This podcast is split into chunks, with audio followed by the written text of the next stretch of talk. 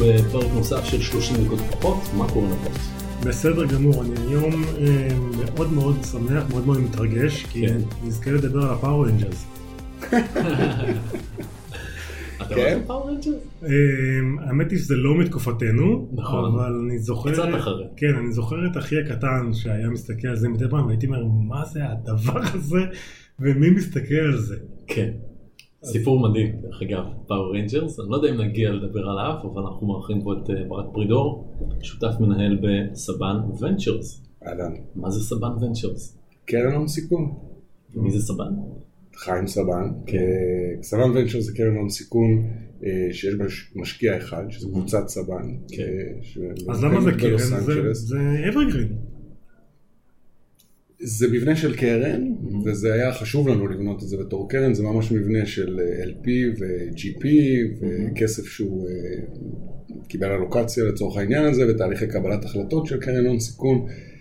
אה, והסיבה, יש לזה הרבה סיבות, אבל הסיבה העיקרית זה שבנוף בנוף הישראלי אני האמנתי שבשביל לקחת סיכונים כמו שצריך, ולבנות פורטפוליו כמו שצריך, חייבים את ההפרדה הזאת שיש. אז אתה משקיע. אתה משקיע הון סיכון, כן. משקיע באיזה חברות בדרך כלל?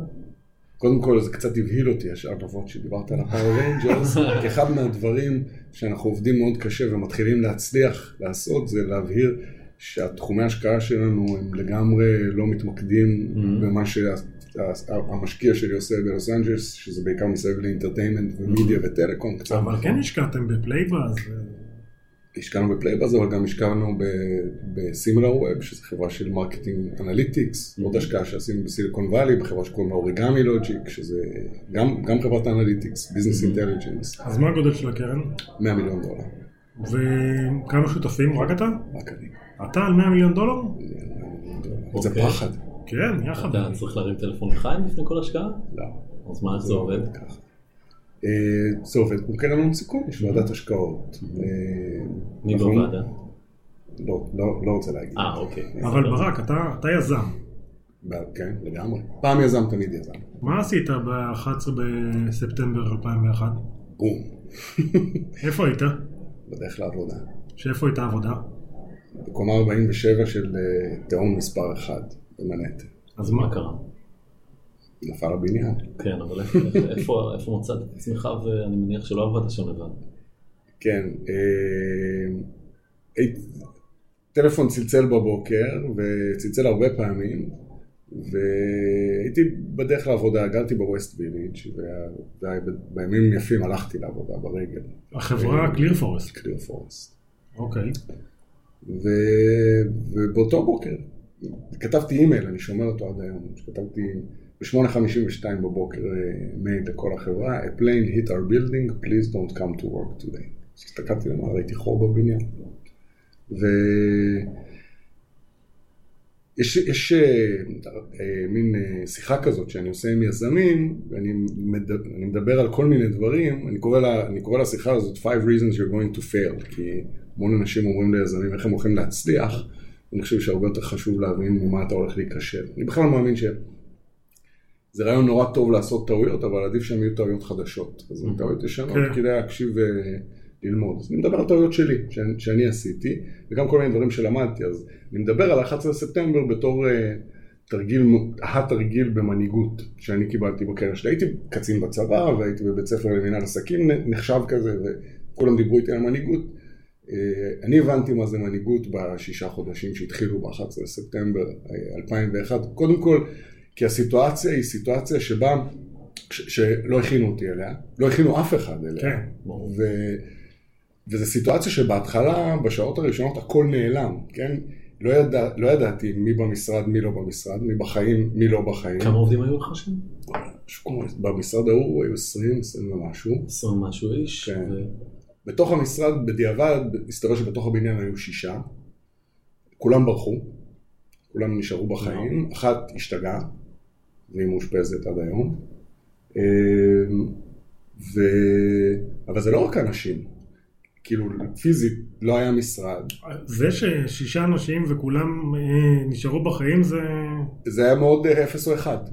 אה, אם אני זוכר נכון, בבניין מספר אחד המטוס פגע באזור קומה 82, כל מי שהיה מתחת ניצל, כל מי שהיה מעל מת. וכנ"ל לגבי הבניין השני, זה היה אפס או אחד. כן. אם היינו בבניין השני, הם היו מתים כולם. כי זה פגע יותר נמוך. כן. פגע יותר נמוך, והיה גם קריסה ש... הוא הראשון שנפל, כן. הבניין השני, כן. בגלל שהפגיעה הייתה. ומה, שלחת את האימייל הזה, ומה קרה מאותו רגע? אז מאותו רגע, אה, לאט לאט הכל הפסיק לעבוד. בהתחלה טלפונים עבדו, אה, סלולריים, אחרי אה, חצי שעה הם הפסיקו לעבוד. עוד הספקתי אה, לעשות טלפון אחד למישהי שהייתה במשרד, אה, אבל לא הצלחתי לדבר איתה, שמעתי אותה, ואם אני זוכר נכון, היא לא הצליחה לשמוע אותי, אבל ידעתי שיש מישהו במשרד, ואני זוכר שצעקתי get out, get out, אבל לא ידעתי, אה, לא ידעתי אם היא שומעת אותי. והדבר היחידי בסופו של דבר ב-11 ספטמבר שעבד כל הזמן זה המסנג'ר של AOL. כל השאר לא עבד, כלום לא עבד. היה אינטרנט, מה? אה? אז היה אינטרנט. בכל לואו מנהטן, הדבר היחידי שעבד, אה, לא היה אינטרנט, כי כנראה, לא יודע מה, לא היה name servers או משהו. כן, כאילו, לא אחד השרתים נפלו. מה? אחד השרתים נפלו. נפלו, נפלו כן. הרבה דברים. כן. אה, ב-AOL Messenger לאט לאט התחלנו למצוא אנשים מהחברה. ואני ישבתי באותו יום עם שני טלפונים באוזניים.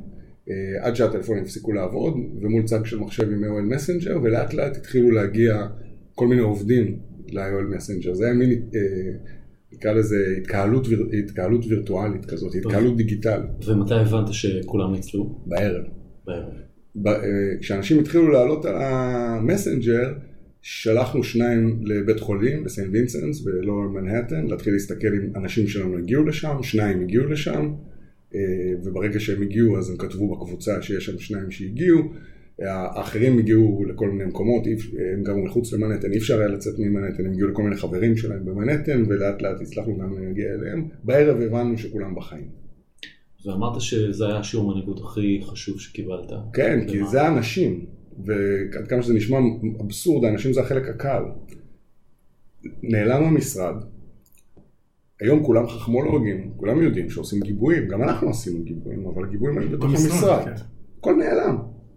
אה, אז, אז מה עושים? פתאום אחרי כמה ימים הסתבר לנו ש... אה, או, או, או לפני זה, את החברה בנינו, בהתחלה השוק העיקרי שלנו היה שוק ה-financial service, של שירותים פיננסיים, נעלם אחרי 11 ספטמבר, כן. בטח לסטארט-אפים. אה, כסף היה לכם או שהייתם צריכים לגייס? שאלה גם כן, היה לנו כסף, אבל לא ידענו איך להגיע לכסף. כאילו היה צריך לשלם משכורות, אבל לא היה בנקים, כאילו זה ממש היה צריך להבין את הכל מחדש, להמציא את הכל, להמציא את הכל מחדש. פתאום הבנו גם שהלקוחות שהיו לנו, לא היו לנו הרבה לקוחות, אז אני חושב שהיו לנו איזה 15 לקוחות, הם, הם, הם, הם, הם מבחינתם נעלמנו, זה לא היה קיים יותר. והם, והם התחילו להסתכל על, על, על דברים אחרים, ואז פתאום גם הבנו, אחרי כמה ימים שאנחנו צריכים להתחיל לעשות סבב של אה, טלפונים וביקורים ללקוחות, להסביר להם שאנחנו בחיים, ואנחנו הולכים לעמוד חזרה על הרגליים, ו... וזה ייקח זמן. אה, היינו החברה, ה-World Trade Center היו שבעה בניינים, רק הטרמינים, אחד ושניים היו מפורסמים, אבל היו שם שבעה בניינים. מכל החברות שהיו אה, בקומפלקס הזה, אנחנו היינו החברה הראשונה שחזרה לעבודה, ב-15 לספטמבר.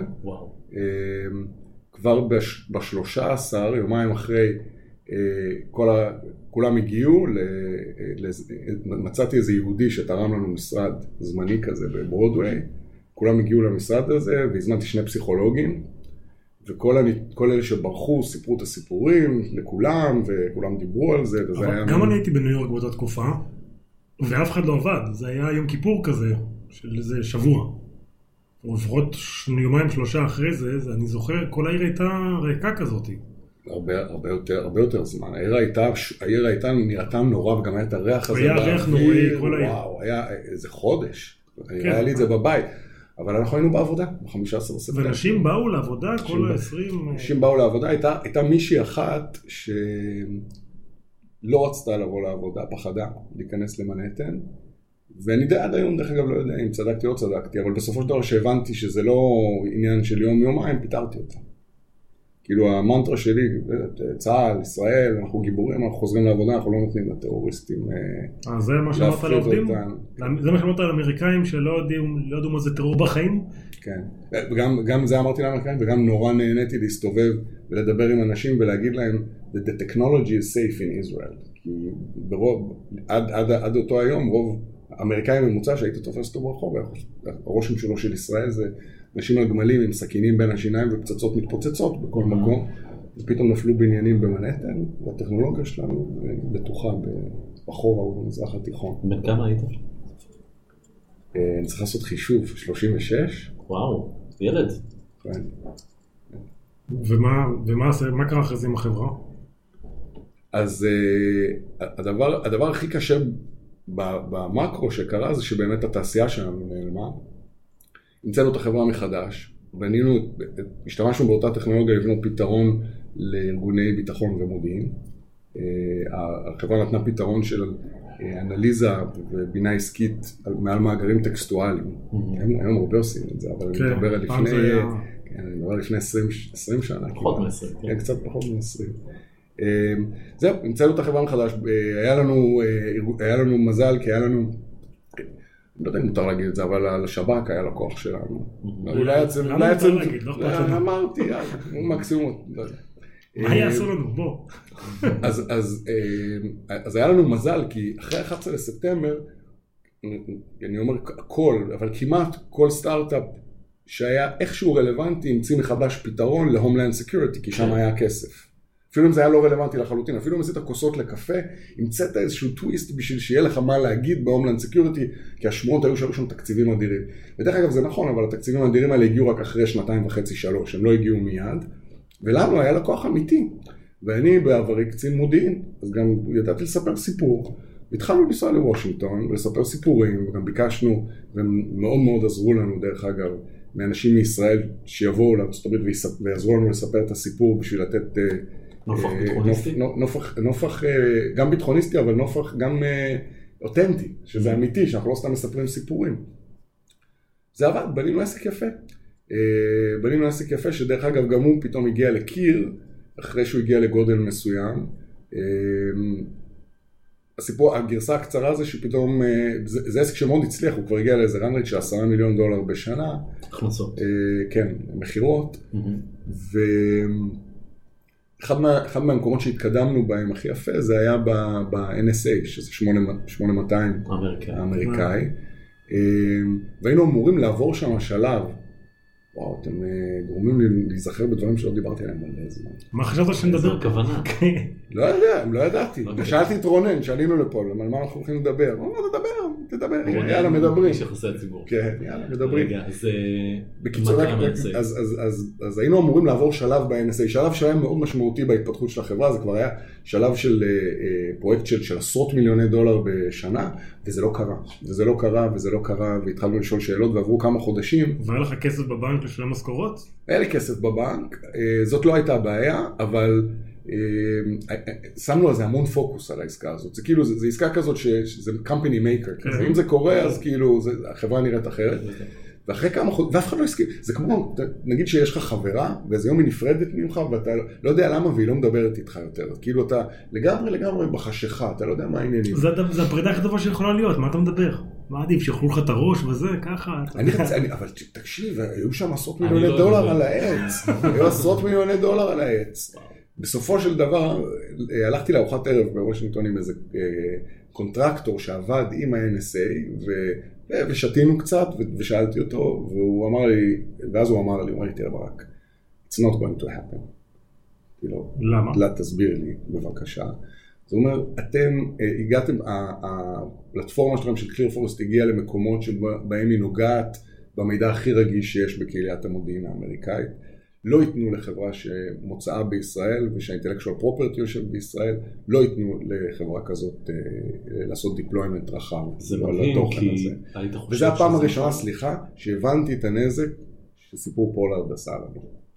השם? פולארד, השם? פולארד עלה עשרות פעמים אחרי זה. עכשיו הבנתי. כי אם היית חברה סינית אז זה מאוד הגיוני, אבל דווקא חברה ישראלית היית יכול לחשוב שייתנו לה גישה.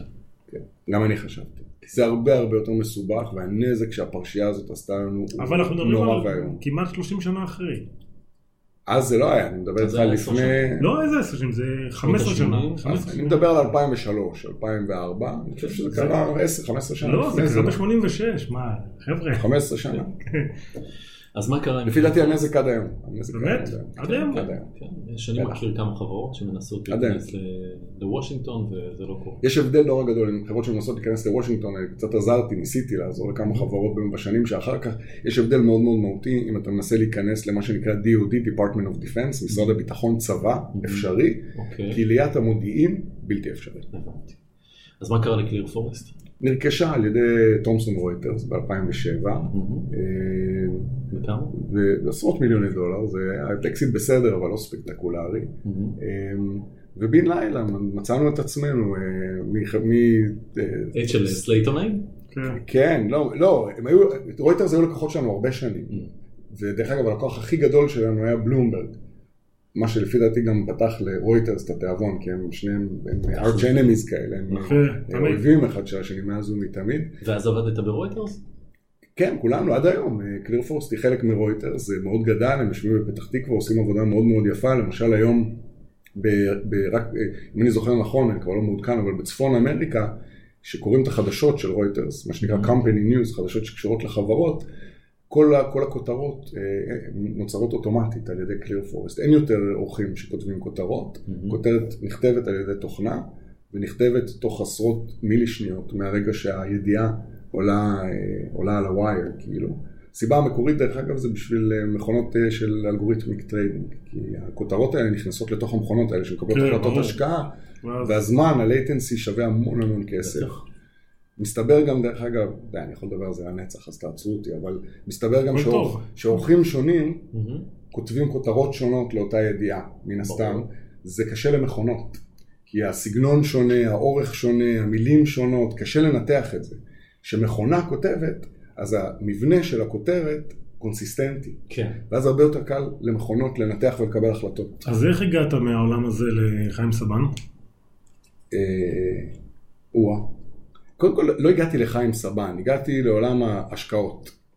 אה, הגעתי לעולם ההשקעות, זה, זה, זה, זה קצת מצחיק, אבל הגעתי לעולם ההשקעות כי אחרי שעזבתי את אה, תומסון רויטרס ב-2011, אה, בגלל, אני מניח, בגלל הסיפור שלי, יש לי סיפור חריג בתור מנכ"ל, כאילו עברתי דברים שלא הרבה מנכ"לים עברו בכל המסע הזה של קליר פורסט, אז המשקיעים שלי, והיו לי, והיו לי באמת אחלה משקיעים, היה לי את גרלוק בארצות הברית, היה לי פיטנגו בארץ, הרבר וסט, דויטשה בנק, אי-ונצ'רס, התחילו לשלוח לי אה, מנכ"לים שאני אהיה החונך שלהם. ונורא אהבתי את זה, כי אני בתור מנכ"ל צעיר, זה, זה תפקיד נורא נורא נורא בודד. כאילו, כולם יודעים את זה בתיאוריה, אבל עד שאתה לא שם אתה לא באמת מבין. כי, כי אף אחד הוא לא לגמרי באינטרס שלך. כן, אף אחד. נכון. אפילו לא אשתך. היא לא, זה, זה קצת, היא רוצה שאתה תהיה יותר בבית ואתה לא יכול להיות כל כך הרבה בבית. ואני חיפשתי חונך בזמנו, ומצאתי, וה- והבן אדם הזה שהיום אנחנו חברים מאוד מאוד עזר לי, ואני גם אמרתי לו שבבוא היום גם אני אעשה את זה, ואז הם שאלו אותי. וכל ההקדמה הגדולה הזאת באה להגיד שפתאום נהיו לי איזה שלושה ארבעה אנשים ש- שחנכתי אותם, מתוך אה, מקום של לא, לא עובד, אחרי רויטרס לקחתי חופש. ופתאום פעם ראשונה בקריירה שלי עשיתי יותר מדבר אחד. התעסקתי עם מנכ"ל אחד בחברה של consumer, והיה אחד בחברה של enterprise SaaS, והיה אחד ב security, ונורא מצא חן בעיניי לעשות כמה דברים בו זמנית. אחרי זה למדתי שקוראים לזה באנגלית going plural. פה קוראים לזה מייקרוסופט אקסלרטור. שי, אני יודע למה אני כאן. אה, נכון. וזה הפעם הראשונה שהתחלתי לחשוב על להיות משקיע. חשבתי, אחרי 20 שנה, ש... 20, 20 שנה, כן, שאני עושה דבר אחד את any given time, זה יכול להיות מעניין לעשות כמה דברים, אז התחלתי לחשוב על להיות משקיע, וזה לקח לי כמה שנים עד שהתחברתי עם קבוצת סבן, כי אה, אה, בגלל שגם בתור יזם אה, גייסתי כסף מוונצ'ר קפיטל, אני מאוד מכיר את הקהילה הזאת, גם בארץ וגם קצת בארצות הברית. היה לי רעיונות מאוד מאוד מוצקים על איך אני, איך אני חושב שצריך לעשות את הדבר הזה. ובאיזשהו יום התחלתי את הקריירה שלי בתור מתכנת בחברה שקוראים לה טכנומטיקס, שהקים אותה שלמה דוברת. ושלמה הוא איש מאוד יקר. אנחנו שומרים על קשר מאוד הדוק במשך השנים. הוא התקשר אליי איזה יום, חזר מארצות הברית, אמר לי שהוא ביקר את קבוצת סבן בלוס אנג'לס, והם אה, סיפרו לו שהם אה, החליטו, אה, בשפה שלו אני חושב שזה היה to double down on Israel, לעשות משהו אמיתי בישראל שקשור לטכנולוגיה ומדיה. ושהוא נתן להם שם אחד של בן אדם, אז, אה, אז אמרתי לו שתודה, ושבהזדמנות אני מבשל לו ארוחת ערב, עד היום אני חייב לו. וזהו, ו- ו- ופגשתי את הקבוצה, פגשתי, אה, אחרי כמה ימים הגיע לארץ אדם צ'סנוף, שהוא ה president וה-COO של הקבוצה. וישבנו ודיברנו, היה חיבור? והיה חיבור מצוין, וגם, אה, זה, זה, זה לא רק היה חיבור מצוין, אלא אה, אני בגיל, כשהייתי בן 40, אני החלטתי שאני את שאר החיים שלי אה, הולך לחיות מהבטן. שהעניין הזה של לנסות למצוא רציונליזציה ולנתח דברים זה overrated, זה לא ממש עובד טוב. אז בפגישה השנייה אמרתי לו, תשמע, בילינו שעה וחצי ביחד כבר, אני כבר אומר לך, אחרי זה אפשר לדבר על הפרטים, אבל שמבחינתי אני אשמח שנעבוד ביחד. אז הוא אמר לי, גם אני. זהו, וזה זה נהיה. מה זה קבוצת סבן? קבוצת סבן זה קבוצה של אה, אה, מעל 60 איש שיושבת בלוס אנג'לס. זו הקבוצה שמנהלת את עסקיו של חיים אה, סבן, אבל אה, היום זה כבר הרבה מעבר ל, אה, לאספקט הבידורי. זו חברה, יש בה למשל אה, עסק לא קטן לנדל"ן בארצות הברית. אה, יש חברה להפצת סרטים. יש אה, חברת מותגים, למשל אה, אחד המותגים שם זה ה Power Rangers שנקנה בחזרה מדיסני אחרי שהם רכשו את אה, ערוץ Fox Family שלא חשוב. אה, יש שם עסק private equity די גדול, החברה מנהלת מיליארדי דולר אה, של נכסים, אז למשל אה, קבוצת סבן, Saban Capital Group, קוראים לה SCG, היא הייתה בעלת השליטה ב ProSieben בגרמניה, שזה ה broadcaster הגדול בגרמניה, היום היא בעלת השליטה ב Univision, שזה ה broadcaster מספר 4 בארצות הברית, כן, מספר 1 דובר בהיספני, כן. כן, הוא דובר ספרדית. אה, פוליטיקה כל מיני דברים. גם בארץ, משהו. נכון?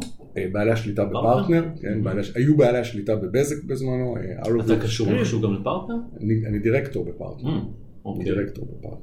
ואיזה מין טיפוס הוא חיים סבן? כי אני שמעתי פודקאסט עם חיים סבן, מסתבר שאת ההון הראשוני שלו הוא עשה אה, בעסקי המוזיקה לסרטים מצוירים. ולמה הוא בחר סרטים מצוירים? כי בסרטים מצוירים אתה מקבל בכלל רויאלטיז, תמלוגים על אה, מוזיקה בסרטים ובסדרות, על בסיס כמה זמן המוזיקה באוויר. ובסרט מצויר, חצי שעה יש מוזיקה, שטיח כל הזמן, ולכן הוא החליט ללכת על התחום הזה. כן. אז יש לו חשיבה שונה. לגמרי. קודם כל, אה, אני חייב, ל- אני חייב לארגון סבן את ה- את הפרנסה שלי עכשיו, אבל באמת בלי שום קשר, אני מאוד מאוד אוהב את האדם הזה, הוא אדם מאוד מאוד מיוחד, אה, מאוד לבבי, מאוד טוב, מאוד אמיתי, מאוד מאוד חד. אה, אחלה בן אדם. למה הוא מתעסק הרבה בפוליטיקה? כי הוא אוהב את זה. הוא אוהב את זה? מאוד, מאוד. הוא אוהב את זה, הוא אוהב את זה מאוד, הוא אה, אכפת לו, הוא לוקח ללב. ה- אה, באופן כללי עם חיים אפשר לדבר על כל נושא, אבל לא לאורך זמן. הדבר היחידי שיכול, אפשר, אפשר להתחיל לדבר איתו ושהוא לא ייגמר, כן? זה על, אה, זה על אה, פוליטיקה פוליטיקה. בארצות הברית ועל יחסי ישראל. אז. דיברת איתו אחרי- אה, אחרי שהילרי אה, הפסיד? הרבה פעמים. ומה, איך הוא היה עם זה? תשאל אותו. הוא היה עצוב, הוא היה עצוב, הוא היה עצוב מאוד. הוא היה עצוב. כן. איך הוא עם טראמפ? תשאל אותו. אני- מה שכן, לא. אני אגיד, מה שכן אני אגיד, אני זוכר שהוא אמר את זה אחרי הבחירות, הוא אמר, שאלו אותו הרבה אנשים, והוא אמר, קודם כל צריך לתת לו 100 יום.